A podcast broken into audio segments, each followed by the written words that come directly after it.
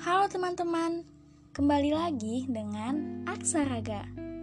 Sedikit beralih dari pembahasan masa lalu dan trauma, hari ini Aksaraga akan berbicara tentang satu topik yang masih ada kaitannya dengan kenangan sih. Tapi nggak akan sepenuhnya membahas itu kok. Kalian pernah nggak sih ditinggalin sama seseorang, siapa pun itu, dan kalian masih mengharapkan kepulangannya.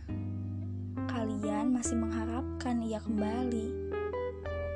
Sampai pada akhirnya, kalian ada di satu titik di mana kalian sadar bahwa ia memang sudah pergi dan tak akan kembali. Kadang ada beberapa kepergian yang sulit untuk diterima karena ada beberapa hal yang masih menunggu untuk dituntaskan. Namun, dia sudah terlanjur pergi. Akhirnya, kamu yang harus menyelesaikannya sendiri.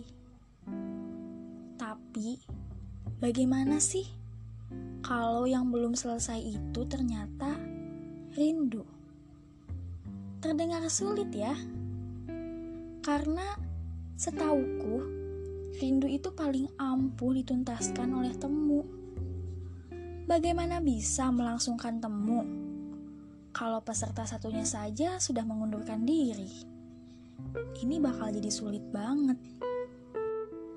Belum lagi kalau hati dan pikiran udah gak sejalan. Pikiran sih udah bersih keras buat bilang, udah ikhlasin aja tapi hati masih dengan egonya untuk menunggu dia pulang. Tapi bagaimana kalau ternyata kamu yang bukan tempat dia pulang? Bagaimana kalau ternyata dia punya tempat pulang yang lebih tepat dan lebih baik? Dan itu bukan kamu. Ini akan membuat situasi jauh lebih buruk masih tentang dia yang tak akan kembali. Kadang ada waktu di mana kita semua berusaha untuk bernegosiasi dengan semesta, untuk sedikit membenahi skenario-nya. Kenapa sih harus ada perpisahan? Dan kenapa dia yang harus pergi?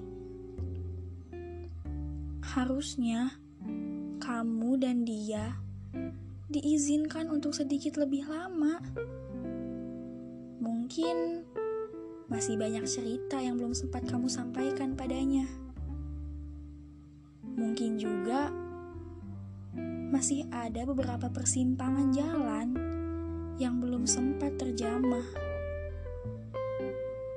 Ada beberapa sudut kota yang belum sempat untuk datangi. Iya, kamu memang bisa mengunjunginya sendirian. Namun, bukankah rasanya akan berbeda kalau tanpa dia? Kamu selalu berbicara tentang ikhlas, tapi kamu sendiri belum tahu apa itu ikhlas yang benar-benar ikhlas. Buktinya, sampai detik ini, kamu masih diam di tempat yang sama dengan rasa yang sama dan masih menunggu orang yang sama. Masih tentang dia yang tak mungkin kembali. Harusnya kamu dan dia benar-benar bisa lebih lama. Tapi mungkin kamu juga sadar hubungan tak hanya berjalan dalam satu sudut pandang. Hubungan tak hanya berjalan dalam satu pihak. Tapi kenapa ya? Dulu dia bersikeras untuk mengakhiri semuanya dengan tanda titik. Apa dia tidak tahu? Kamu masih bisa membuat kalimat baru setelah tanda titik.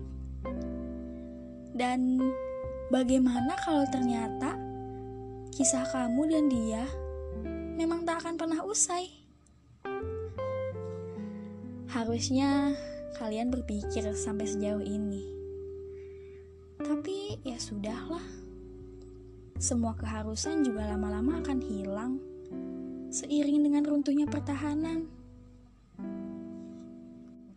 Karena perasaan yang terus-menerus diabaikan dan dibiarkan pun akan runtuh pertahanannya. Mungkin skenario semesta memang benar.